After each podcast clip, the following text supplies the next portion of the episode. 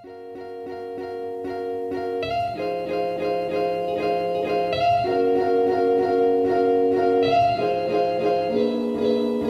kuulate investeerimisklubi podcasti, kõik on hästi, pea püsti, sõidad, kuulad seda bitti silmistu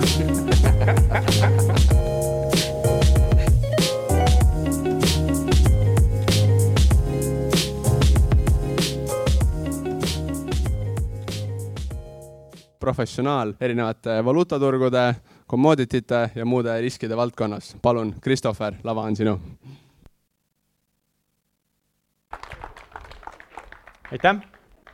hästi kiirelt lihtsalt äh, taustaks, et äh, äh, ma tegelen kauplemisega valuuta ja tooraine turgudel. ma olen ka passiivne investor, aga, aga see ei ole selline primaarne fookus mul ja siis nii-öelda äh, tööalaselt olen tegelenud aktsiaanalüüsiga varem ja praegu olen, äh, aitan siis ettevõttel maandada nende intressiriske, tooraineriske ja valuutariske. siis põhimõtteliselt olen siis müügimees kauplemise kohta eksisteerib igasuguseid huvitavaid müüte. Neid müüte, nendel müütidel hakkan ma täna andma sellist mingisugust enda vaatenurka ja ma teen seda natuke läbi sellise kõrvutamise või isegi vastandamisega, et, et milline on kauplemine ja milline on investeerimine. ja, ja noh, laias laastus siis esitlus on, on, on jaotatud kolmeks osaks, et, et võib-olla nagu see investeerimine on selline asi, mis meile kõigile on vähemalt mõnevõrra selline tuttav teema ja, ja on hea nii-öelda võrrelda sellist tuttavamat asja võib-olla natuke vähem tuttavaga. et ma ei tea, kas te neid sõnu näete seal nagu enam-vähem või ei näe üldse või? Okei okay., esimene müüt. kauplemine on nagu investeerimine, ainult lühemal ajaperioodil. Äh, jah ja ei, et äh, loomulikult äh, neil on sarnasusi, need turud, mida me kaupleme või investeerime, on samad, aga,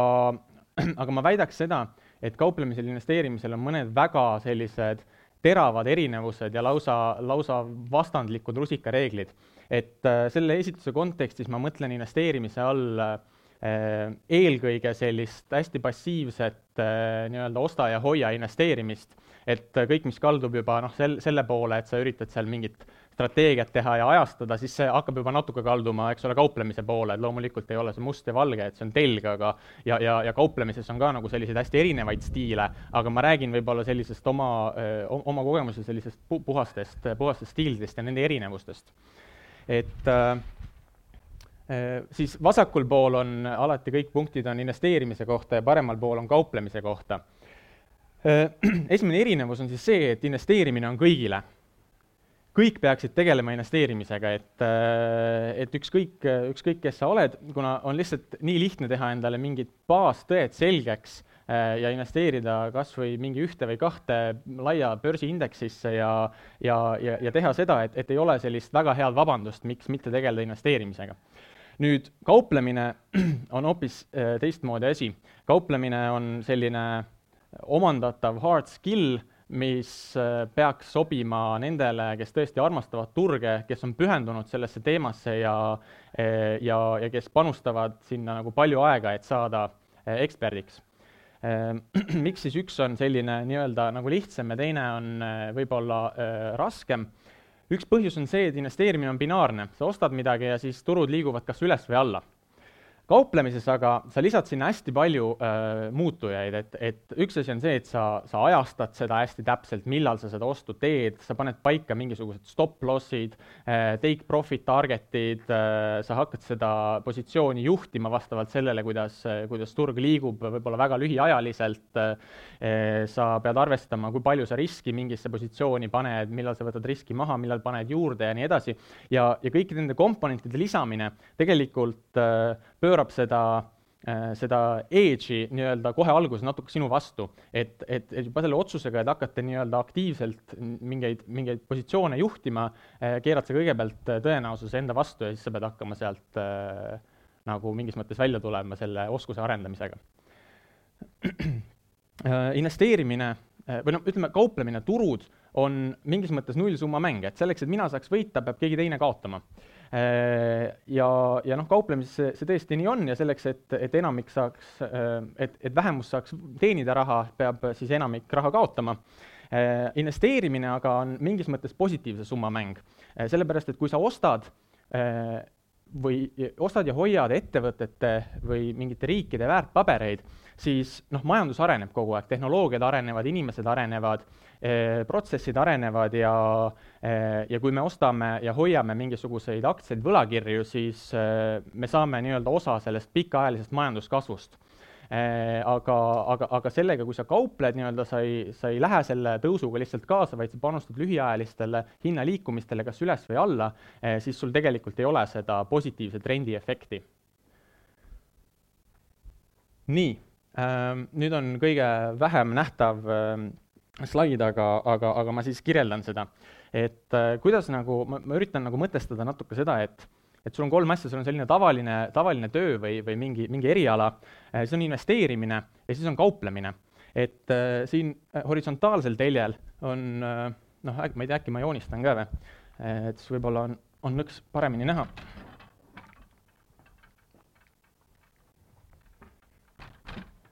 et äh, horisontaalsel teljel on sisuliselt äh, oskused Äh, mingisugune skill, mis areneb äh, sellega, kui sa noh, teed seda tööd, teed seda asja ja, ja, ja su oskused arenevad. Äh, ja siin on põhimõtteliselt ütleme, lisandväärtus, majanduses nimetatakse seda ka piirtuluks, ehk siis et, et kui palju sa iga nii-öelda oskuse taseme juures suudad kas siis ühte ajaühikut või ühte rahaühikut lisades väärtust juurde luua ja tulu teenida. Äh, enamasti mingid alad, ükskõik mis alad need on, lähed sa inseneriks, lähed sa kuskile kontorisse tööle, analüütikuks, juristiks, äh, kas või arstiks, ükskõik, siis alguses sa ei oska nagu eriti midagi, aga kohe alguses hakkad sa äh, hakkad sa nii-öelda mingeid töölõike selgeks saama ja, ja siis sa juba lisad natuke väärtust. et sul on natuke juba oskusi ja sa lisad natuke väärtust ja Äh, ja kui sa nii-öelda oled kuskile jõudnud, siis võib öelda, et sa oled ekspert. Äh, öeldakse, et mingi eksperdiks saamiseks kulub äh, kümme tuhat tundi aega. no kas see on kümme tuhat või on see mingi muu number, aga no ilmselt läheb mingi aeg, et saada eksperdiks, eks ole. Aga noh, tavatööga on see, et sa ei pea olema ekspert, sa juba siin suudad mingisugust väärtust lisada. võtame investeerimise investeerimise puhul ma ütleks, on see kõver umbes selline. Äh, et äh, ma ei tea, kas sealt, no igatahes panen sinna ka, äh, et investeerimine on ka selline hästi isevärki loom, et pole nagu justkui selliseid alasid väga palju, kus sa teed endale mingid põhitõed selgeks ja siis sa oled kohe vähemalt tootluse mõttes praktiliselt sama hea, kui seda tööd mitukümmend aastat teinud professionaal et, et sa teed endale mingid asjad selgeks, kuidas põhimõtteliselt osta mingit ETF-i või, või, või mingeid üldaktsiaid ja siis sa juba teenid sellist seitsme kuni kümne protsendist tootlust, mis on umbes sama, nagu teenivad äh, eksperdid, kes kasutavad äh, samamoodi osta ja hoia strateegiaid äh,. et äh, ja iga ühik, mis sa siin lisad nagu noh, tootlusesse võib-olla väga palju juurde ei anna, ma ei ütle nagu, et investeerimisskill'i ei tasu ka edasi arendada, sellepärast et see võimaldab vähendada riski ja muud sellist aga, aga umbes selline see kõver välja näeb. ja nüüd kauplemine on umbes selline asi. Äh, see on siis trading. et äh, kauplemisesse siis äh, no kauplemist tihtipeale võrreldakse näiteks pokkerimänguga või, või näiteks tippspordiga, mingite selliste aladega. ja, ja see võrdlus on nagu iseenesest paljuski, paljuski pädev, aga kas või, kas või pokkeris või spordis, kui sa alustad, siis sa hakkad, noh, sa istud laua taha endataoliste tegelastega, kes,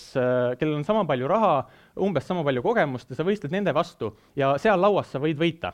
aga kauplemises mitte kedagi ei huvita kui kaua sa oled seda asja teinud. nii kui sa selle esimese euro sinna turule paned, lähed sa automaatselt vastamisi maailma kõige rikkamatega, maailma ühtede targemate inimestega, kes on seda asja teinud mitukümmend aastat ja kes on sellel alal eksperdid. ja niikaua, kui sa ei ole saavutanud eksperdi taset, eh, võtavad nad sult lihtsalt raha ära. et, et ja sellepärast on kauplemises hästi palju selliseid, noh, see, see õppeprotsess võib olla väga pikk. ja, ja, ja sa ei pruugi vahepeal näha otseseid mõõdetavaid tulemusi no aga ütleme, et me teeme siis selle kadalipu läbi ja saame eksperdiks kauplemises ja, ja hakkame teenima raha. et mis tootlusest me siis räägime, et investeerimises peetakse normaalseks tootluseks noh, seitse kuni kümme protsenti aastas ja üldjoones see nii äh, ka enam-vähem selles mõttes on, et nagu ma rääkisin, tegelikult investeerimises, kui sa ostad ja hoiad, sa liigud kaasa majandusega, noh, pluss veel natuke seda efekti, et ettevõtted muutuvad efektiivsemaks ja loovad lisandväärtust ja nii edasi. ja noh, ega tegelikult äh, noh, mõni seal Warren Buffett suudab natuke rohkem teha, aga, aga, aga sisuliselt on see nagu loogiline, et see ei saa nagu pikaajaliselt ei saa noh, majandus kasvab niisuguse tempoga, nagu ta kasvab ja, ja sa lähed sellega kaasa. aga kauplemises see nagu noh, see ei ole tegelikult absoluutselt eh, seotud mingisuguse, mingisuguse majanduse või, või sellise asjaga, vaid sa toorelt üritad osta odavalt ja müüa kallilt või müüa kallilt ja osta odavalt, nii et äh, nagu kõigepealt tuleb aru saada, et seal on nagu totaalne selline disconnect nagu, et, et sul ei ole see kauplemine kuidagi seotud selle äh, selle pikaaegse nii-öelda,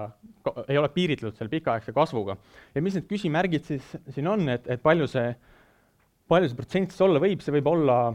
kolmkümmend, viiskümmend protsenti aastas, seitsekümmend protsenti, nelisada protsenti, äh, näiteks äh, mõne kaupleja puhul üsna edukalt ja jätkusuutlikult. et äh, miks me selliseid äh, selliseid protsente väga palju ei näe, noh tavaliselt kui tsiteeritakse näiteks hedge fund'e, kes äh, siis kasutavad selliseid kauplemisstrateegiaid, äh, siis nende tootlus on võib-olla seal kolm, neli, viis protsenti keskmiselt, ehk siis nad jäävad isegi nagu buy and hold'ile alla. Äh, aga hedge fund'i mõte tegelikult on teha täpselt seda, mida nimigi ütleb, hedge ida ehk siis riske maandada. ja, ja, ja teine asi, millest me peame aru saama, on see, et, et see peegeldab, eks ole, keskmist, ehk siis noh, osad kaotavad, osad võidavad ja keskmine tuleb sul loomulikult mingi number, et ma ei, ma ei räägi, et keskmiselt või, või teenid sa kauplemisega nelikümmend või sada protsenti, et äh, ei, ainult eksperdid ja parimad teenivad. Ähm, ja, ja, ja teine asi veel, mis on, et noh, hedge fundid loomulikult teenivad väiksemaid protsente, neil on likviidsuspiirangud, neil on, nad peavad paigutama korraga nagu miljardeid, kui sina võib-olla paigutad tuhandeid ja seega nad ei saa neid positsioonidesse nii sujuvalt siseneda, neil on seal palju huvigruppe nagu investorid, kes tahavad eh, mingi noh, panevad oma, omajagu survet peale veel. Eh,, nad peavad iga päev justkui nagu midagi tegema, samas kui meil on nii-öelda voli teha, valida ainult parimaid tehinguid ja nii edasi. Eh,. müüt et siit edasi minnes ongi see, et turgu pole võimalik võita. et turud on ju efektiivsed ja, ja aga et meil on ju efektiivse turu hüpotees ja, ja kõik jutud. no ei nõustu nagu, et äh, efektiivse turu hüpoteesil iseenesest noh, väidab, et turud on juhuslikud ja, ja, ja seal on väga palju nagu selliseid äh, eelduslikke vigasid, näiteks nagu see eeldab, et noh, tehingukulusid ei ole või et kõigil on võrdselt informatsiooni ja kõik töötlevad kuidagi seda informatsiooni võrdselt ja noh, see ju nii ei ole aga, mm, aga mis ma võib-olla tooksin näitena, on see, et, et kas turud on efektiivsed. üks niisugune kaupleja nagu Edward Thorpe, kes on läbi, läbi aegade üks, üks parimaid, temal oli üheksateist aastat üks fond, selle üheksateist aasta sisse jäi kakssada kolmkümmend kuud, kus ta teenis raha kahesaja, kahekümne seitsmel kuul ja kaotas raha kolmel kuul. nüüd, kui me tõesti eeldaks, et turud on äh, juhuslikud,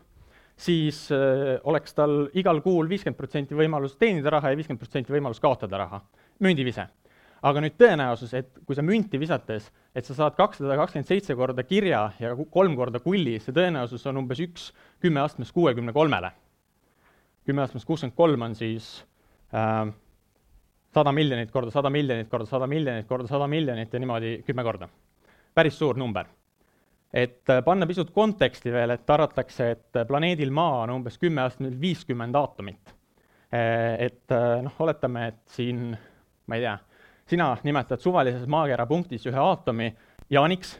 ja ütled mulle, et mine otsi see aatom jaan üles kuskilt maailmas. ja siis tõenäosus, et mina lähen ja leian selle aatomi jaani kuskilt maailmas üles, on umbes triljon korda öö, vähem tõenäoline, või tähendab, triljon korda rohkem tõenäoline kui see, et ajaloo jooksul eksisteerib juhuslikult selline treider nagu Edward Thorpe. see on võimatu. ja selliseid näiteid on veel. Äh, teise osa juurde, riskipsühholoogia. et see esimene slaid võib olla siis äh, psühholoogia kohta müüt, kui ma oleks hästi tark ja mul oleks hästi palju äh,, kui mul oleks hästi tark ja mul oleks võitev strateegia, siis ma teeniks hästi palju raha äh,. kõigepealt see tarkuse osa siin, et äh, kas kõik võivad saada treideriks? ei aga mitte sellepärast, et sa ei ole piisavalt tark, et sa ei ole mingi tuumateadlane. et trading uh, is simple but not easy. ehk siis kauplemine võib olla väga lihtne, aga noh, ta kindlasti ta ei ole kerge, et, et sa võid kauplemise ajada tuumafüüsikaks, aga sa võid ka väga lihtsaid meetodeid kasutada, see tarkus ei ole see faktor, et see faktor on ilmselt see, kas sa äh,, kas sulle meeldib see asi nagu piisavalt, tunned sa vastu piisavalt huvi, et äh, nii-öelda äh, kogu siis äh,, kogu siis sellest jamast siin kuidagi, kuidagi välja tulla äh,. mis puudutab nüüd seda, et kui mul oleks võitev strateegia, paraku on nii, et kui tavalisele inimesele anda see võitev strateegia ja öelda talle, et no järgi seda, kümne aastaga teeb see sind miljonäriks, siis ta võtab selle strateegia äh,, siis ta üritab seda timmida niimoodi, et see teeks ta ühe aastaga miljonäriks ja loomulikult seda tehes ei saa ta ei ühe aastaga ega ka kümne aastaga miljonäriks ja, ja noh, strateegial on, on väga-väga oluline äh, roll. müüt. kauplemine on nagu kasiino. See müüt peab absoluutselt paika. kauplemine on nagu kasiino. aga mitte sellel põhjusel, miks inimesed arvavad, et see on nagu kasiino et äh, inimesed arvavad, et noh, et see on hasartmäng, see on puhas õnn ja, ja, ja kui sa lähed sinna, siis noh, vaatad, mis juhtub ja võib-olla teenid raha, võib-olla ei teeni. aga tegelikult on kauplemine nagu kasiino sellepärast, et noh, kuidas kasiino teenib raha, ta teenib raha tõenäosuselt, eks ole, et iga selle täringuviskega, iga ruletiratta viskega on tal õhkõrn tõenäosus võita natuke rohkem kui kaotada, et äh, šansid on nii-öelda maja kasuks. ja kui sa oled treider, siis sina pead olema see kasiino, et äh, šansid oleks natukene sinu kasuks mm,. siis milline on lähenemine? et äh, äh ütleme, kauplemises sa pead olema väga süsteemne ja sul peab olema väga konkreetne strateegia. Et äh, investeerimises, ma ei ütle, et investeerimises ei pea strateegiat olema, kindlasti investeerimises võiks strateegia olla, aga see on kindlasti andestavam, et kui sul ei ole võib-olla sellist ülikonkreetset strateegiat, noh, sa lihtsalt kvalitatiivselt valid välja mingid tugevad ettevõtted, eks ole, ja siis on oluline roll võib-olla sellel järjepidevusel, et sa siis tõesti nagu sinna sinna kvaliteetsetesse ettevõtetesse järjepidevalt investeerid, et see on tähtis. aga, aga kauplemises on nagu see, et su strateegia peab olema tõesti nagu konkreetselt määratletud äh, paberi peal, kui juhtub see, siis sa teed seda. ja, ja, ja siis on see sisuliselt võimalik äh, testida ära, et kas see, kas see nagu töötab, kas see on loogiline, et see peaks töötama ja, ja siis sa pead seda strateegiat järgima ja seejuures äh, on just nagu see see süsteemsus hästi oluline, et, äh, et, et nii-öelda tõenäosuslikult võita rohkem kui kaotada. On ka selline müüt, mida ma vist võtsin selle slaidi välja, et, et head nagu professionaalsed kauplejad võidavad praktiliselt iga tehinguga. et see kindlasti mitte nii ei ole, et äh, kauplejad võidavad tavaliselt kolmkümmend protsenti tehingutest kuni ütleme, niisugune kaheksakümmend protsenti tehingutest. et väga paljud edukad kauplejad Äh, kaotavad äh, sagedamini, kui nad võidavad, et näiteks strike rate on nelikümmend protsenti, neljakümnel protsendil tehingutest nad võidavad, kuuskümmend protsenti kaotavad. kuidas on võimalik, et nad endiselt raha teenivad, on see, et sa kallutad selle asja siin, risk-reward äh,, enda kasuks. et äh,, et iga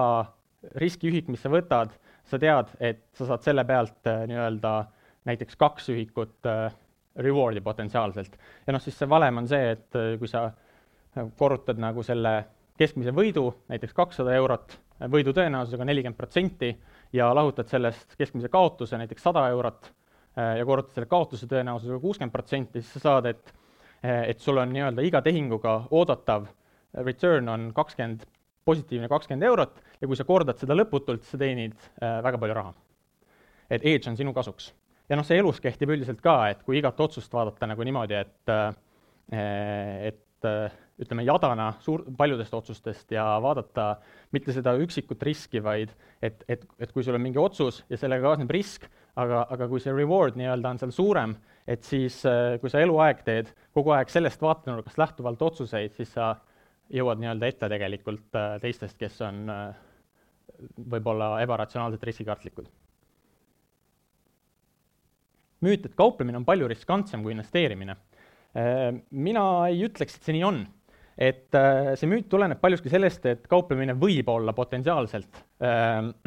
palju riskantsem, sellepärast et sa saad kasutada võimendust. ja loomulikult nagu Forex turul näiteks on väga tavaline, et sa saad kasutada sajakordset võimendust. kui sa investeerid sajakordse võimendusega ja positsioon liigub üks protsent sinu vastu, siis sa kaotad kogu oma raha. no väga riskantne, eks ole. aga kui sul on nagu natukenegi äh, nagu äh, teadmist riski juhtimisest, siis sa tead, et sa lihtsalt ei riski äh, rohkem ühe tehingu peale kui äh, näiteks üks protsent äh, kogu sinu kapitalist ja äh, ja noh, kui me võtame näiteks investeerimise, siis ma ütleks seda, et, äh, et investeerimises on tegelikult suuremad riskid, mis lihtsalt materialiseeruvad harva. et äh, noh, näiteks kahe tuhande kaheksandal aastal olid SB viissada indeksis, USA viissada suurimat ettevõtet selles indeksis sees passiivse investeeringuga ja see investeering langes äh, aastaga üle viiekümne protsendi.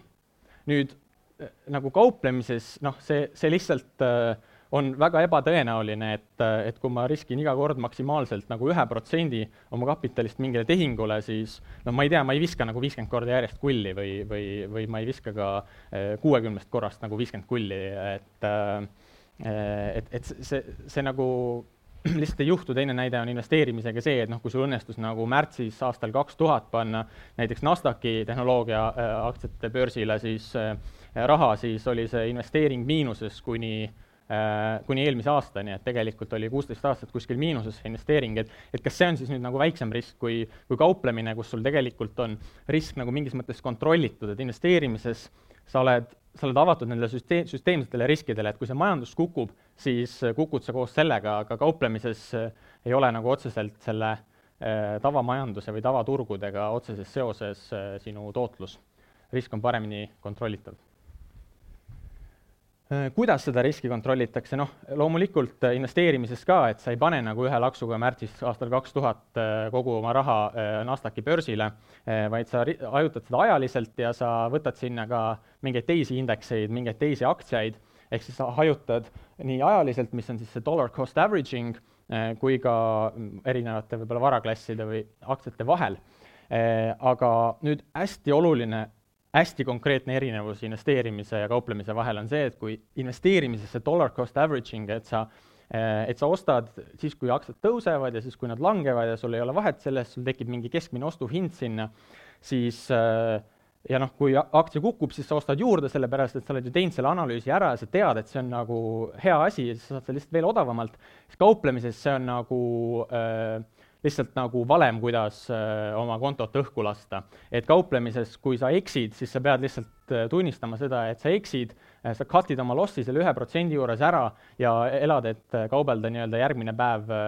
võib-olla mingit teist positsiooni, et kui sa hakkad kauplemises nii-öelda panema sinna raha juurde, et nii-öelda mingit keskmist ostuhinda saada, siis noh, sa võid lihtsalt eksida ja, ja, ja see lähebki alla ja sul ei olegi nii palju kapitali, et seda asja nii-öelda üleval hoida et, äh, et, et kindlasti nagu kauplemises tuleks seda riski piirata, piirata stop-lossidega, ehk siis sa paned paika mingi koha, kus sa ütled, et hea küll, siin ma eksisin ja siin ma müün selle positsiooni maha. Äh, positsiooni suurust arvutavad äh, invest-, investorid tavaliselt niimoodi, et noh, okei okay,, mul on kümme tuhat eurot, on ju, ma ei taha Microsofti panna rohkem kui kümme protsenti ja siis ma ostan järelikult tuhande euro eest Microsofti no kauplejad nagu üldse niimoodi tegelikult ei, ei, ei arvesta asja, et, et kui ma tahan, kui mul on kümme tuhat eurot, ma tahan osta äh, Microsofti, siis ma tean, et ma saan sinna riskida ühe protsendi ehk sada eurot, aga see ei tähenda, et ma ostan saja euro eest Microsofti, vaid järgmisena ma vaatan, kus on nagu see koht, äh, kus ma saan öelda, et hea küll, ma eksisin ja ma panen oma positsiooni kinni. ja nüüd ma arvestan nagu selle sisenemiskoha ja selle stop-lossi vahe ja niimoodi, et kui see liikumine toimub, siis ma kaotan selle sada eurot ja mitte rohkem. aga, aga seejuures ma võib-olla pean siis ostma näiteks äh, kolmekümne tuhande eest seda Microsofti. et, et, et siis on mul see, et, et see vahe on täpselt minu jaoks sada eurot nagu. ja siis võib tunduda justkui, et ma olen nagu kolmkümmend, äh, kolm korda võimendatud oma kümnetuhandese kontoga võrreldes, aga, äh, aga noh, kaupleja nagu noh, see, see, see ei ole, see loogika on nagu teine, et tegelikult on mul võib-olla sinna pandud üldse ainult, ainult mingi noh, viissada või tuhat eurot nagu broker'i juurde, et, et seda positsiooni üleval hoida ja, ja mu tegelik risk on nagu sada eurot, mitte kolmkümmend tuhat. ja siis viimane, kõige lühem osa on analüüsist natuke lihtsalt seda, kuidas investor ja kaupleja erinevalt lähenevad analüüsile, et investeerimine on väärtuskeskne, sa otsid äh, mingisugust äh, kvaliteetset väärtpaberit ja siis sa üritad seda noh, tõenäoliselt saada suhteliselt mõistliku hinnaga. ja siis on sul aega oodata, et see väärtus hakkab ennast välja mängima, et see on selline fundamentaalne lähenemine. aga kauplejal ei ole aega oodata seda, et see positsioon hakkab ennast välja mängima. et, äh, et, et kauplejal peab olema nii-öelda koheselt õigus ja seetõttu hakkab tema jaoks mängima rohkem rolli tehniline analüüs. Nüüd tehniline analüüs on siis see, et mida hind konkreetselt teeb, see on graafikute lugemine, see on statistiline analüüs ja muu selline. Äh, igast graafikute lugemist ja äh, sellist asja naeruvääristatakse päris palju, äh, see ei ole küll mingi tehnilise analüüsi kursus, aga aga, aga ma lihtsalt ütlen nagu seda, et tehniline analüüsi mõte ei ole see, et sul on mingisugused vilkuvad jooned mingil graafikul, mis peegeldavad nagu minevikku ja oma tuleviku suhtes mingit pointi, vaid noh, selle graafik, sa ei kauple seda graafikut, sa kaupled Äh, selle graafiku taga olevat turgu tegelikult mida see graafik sulle annab või, või ka mingi matemaatiline arvutus Excelis annab seda, et kui sa oskad seda lugeda, siis sa saad aru, mida turud teevad, kus, kus on teised turuosalised, ähm, kas sul suured mingisugused tegijad hakkavad ostma või, või, või on nad müümas ja, ja, ja seda võimaldab tehniline analüüs äh, lugeda, kui seda osata teha. Ähm, müüt kui tugevate funda-, fundamentaalse info peale, no näiteks sul tuleb mingi äh, Äh, ma ei tea, ma tahan äh, näiteks kauplen dollarit ja mul tuleb mingisugune tugev dollari uudis, äh, et kui tugevate fundamentaalide peale ei ole see väärtpaber tõusnud, siis on ju ilmselt jube hea ostukoht, sellepärast et et noh, jõuan sellest ostulainest ette, et kuna see peab ju töötama. tegelikult turgudel ei pea mitte midagi juhtuma. turgudega ei ole mõtet vaielda, kui turg ei ole tõusnud, vaata eelmisel slaidil oli oli meil fundamentaalne analüüs nagu investeerimise poole peal ja tehniline analüüs sellise kauplemise poole peal rohkem. kui me need kaks asja kokku toome, siis on see asi, mida ma nimetan sentimendi analüüsiks. et sentimendi analüüs on siis see, et sa vaatad, mida ütlevad uudised ja mis peaks juhtuma või uudised või ettevõtte finantsandmed näiteks, mis peaks juhtuma ja siis sa vaatad, mis turul tegelikult juhtub ja siis sa võrdled neid kahte asja. minu jaoks, kui ma näen, et kõik on ülimalt positiivne, aga turud ei tõuse, siis midagi on valesti et äh, kas ma olen ise millestki valesti aru saanud või on kõik seda asja juba ostnud ja, ja ma olen totaalselt hiljaks jäänud. et äh, üks, veel üks legendaarne treider, Paul Tudor Jones, teenis tuhande üheksasaja kaheksakümne seitsmenda aasta börsikrahhiga hästi palju raha just niimoodi, et ta jälgis, et kõik ajalehe pealkirjad olid nagu noh, majandusel läheb mega hästi, ettevõtetel läheb mega hästi, kõik on väga ilus ja ta nägi graafikult, et hind ei tõuse et äh, ja, ja see tähendabki seda, et nagu kõik need inimesed, kes promovad seda, et kõik on super hästi, nad on ilmselgelt juba ostnud seda ja kõik otsivad seda suuremat lolli, et nagu teised ostaksid ka. ja, ja hind tõuseks veel, neil on ilmselge huvide konflikt seal. Ja teiseks, kui sa näed, et see hind ei tõuse, siis noh, sa näed, et seal ei ole rohkem ostjaid, seega hind saab olla ainult kas paigal või langeda, see ei ole hea koht, kus long olla ja, ja, ja, ja võib-olla siis ongi nagu, et Tõnis tegi eile üleskutse, et, et kõik esinejad peaksid ütlema, millal siis see börsikrahh tuleb. et äh, siis tuleb börsikrahh, kui te näete, et kõik on, ajalehed on ülimalt optimistlikud, majandusandmed on ülimalt optimistlikud ja turud enam ei tõuse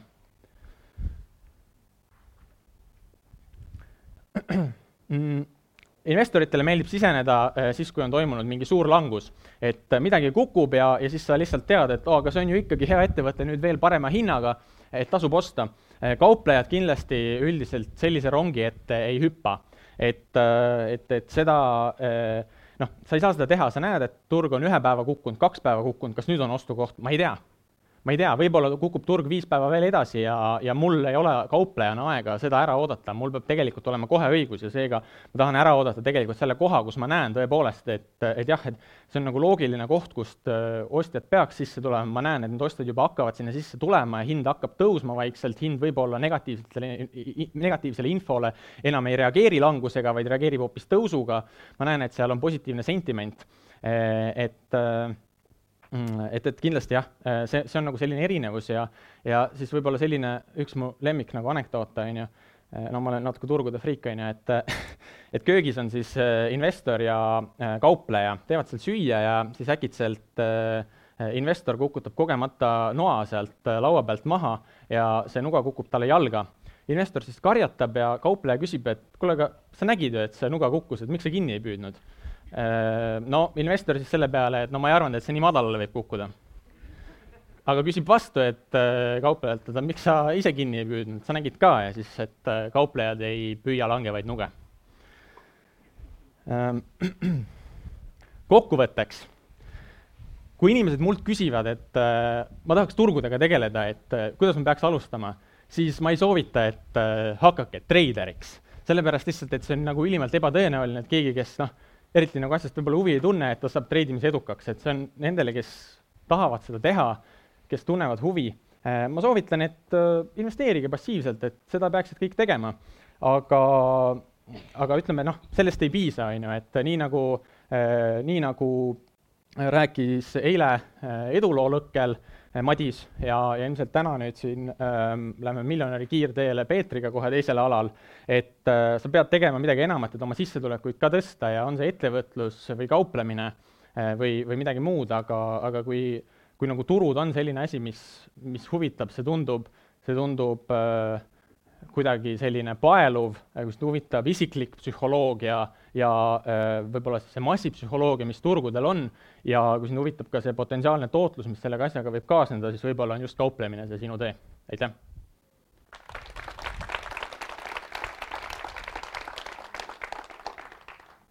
nii, kas on küsimusi? jah, seal üleval kohe tulen suured tänud, väga äge esitus oli, aitäh. Äh, üks selline küsimus oleks osaliselt nagu investeerimise suunas, osaliselt samas jälle tehnilise analüüsi teemal, et et kui äh, rääkida nii-öelda riskiga korrigeeritud tootlusest, siis äh, seda enamasti tehakse selle kaudu, et võetakse mingi ajarea hinnakõikumised, sealt otsitakse standardhälve ja nii edasi ja nii edasi ja siis lõpuks saadakse mingi protsent, mis lahutatakse päris tootlusest maha või miskit taolist ühesõnaga sellisel juhul me räägime justkui, et volatiilsus võrdub risk, eks ole mm.. samas see, selline risk realiseerub ainult siis, kui sa väljud, eks ole, valel momendil, et muidu sul on volatiilsusest suhteliselt ükskõik pikaajaliselt. Äh, kas on mingisuguseid viise veel niisuguseid tehnilise analüüsi võtetega nagu mingisugust sellist riski arvutada või riski korrigeeritud tootlust või mingit sellist asja, millega saab endal asju pingeritta sättida niimoodi okay. riski mõistes nagu, mis ei oleks volatiilsusega seotud? aitäh jah, hea küsimus. Äh, volatiilsusega äh, ikkagi jah, noh, okei okay,, üks meetod on see, on ju, ma rääkisin stop loss'ist ja sellest, et sa paned paika mingisuguse koha, kus sa ütled, et sa eksid ja, ja nii on. et kui sa näiteks oled ka investor, on ju, äh, ja, ja noh, võib-olla on ju, sa võid, sa võid riskida nagu nii-öelda noh, rohkem kui ühte protsenti, sellepärast et noh, sul ei ole nagu see, et kui sa eksid, siis sa kaotadki selle ühe protsendi, on ju, vaid, vaid investeerimises on, aga kui sa paned näiteks paika suhteliselt kaugele võib-olla mingisuguse stop loss'i, kus sa näiteks kaotad sellest, sellest konkreetsest positsioonist võib-olla kolmkümmend protsenti, noh, ehk siis võib-olla kui sul on kümme asja portfellis, siis see on kogu portfellist kolm protsenti. Ja sa paned selle stopi paika ja siis sa tead, et sa selle positsiooni pealt nagu tegelikult sisuliselt äh, väga palju rohkem kaotada ei saa, noh, kui midagi just ülidramaatilist ei juhtu, on ju see on nagu alati võimalik. et, et, et see on, see on üks lähenemine, et kasutada ka investeerimisel stop loss'i. Äh, ja aga, aga muud meetodid, mida ikkagi kasutavad nagu hedge fundid ja kasutavad äh, treiderid, on, noh, nad on mingis mõttes ikkagi volatiilsusega seotud, aga, aga ütleme, see tavaline, see standardhälve on ju, see on natuke, äh, natuke selline äh, noh, sul tegelikult nagu ülespoole risk ei ole sama, on ju, mis on allapoole risk, et, et sul tegelikult on ainult see languse risk on oluline sinu jaoks. ja, ja, ja selles mõttes on natuke jabur nagu võtta seda, et, et, et kui sul on nii-öelda, võib-olla sul on selline fond, on ju, mis teenib pidevalt mingi kaks protsenti, ma ei tea, kuus näiteks, on ju, aga siis mingid kuud on hästi head, kus sa teenid äh, kakskümmend protsenti, siis sul tekib ka nagu päris suur volatiilsus sinna tegelikult, aga see on ju ainult positiivne volatiilsus, et, et äh, doesn't make sense. et äh, ja, ja see, volatiilsus on siis see Sharpi suhtarv, eks ole, mida, mida kasutatakse. ma pakun välja kasutada näiteks Sortino suhtarvu, mis on see, et sa jagad tootluse läbi ainult negatiivse standardhälbega. et, et sa võtad ainult need siis Äh, negatiivsed kuud või, või, või päevad või aastad ja, ja võtad ainult nende standardhälbe. ja võrdled niimoodi erinevaid fonde, investeeringuid. ja, ja väga lihtne meetod on tegelikult Kalmar ratio, Kalmari suhtarv, on see, et sa lihtsalt jagad tootluse läbi suurima drawdown'iga, et palju sul nagu kõige rohkem on ühelgi hetkel konto kukkunud nagu tipust allapoole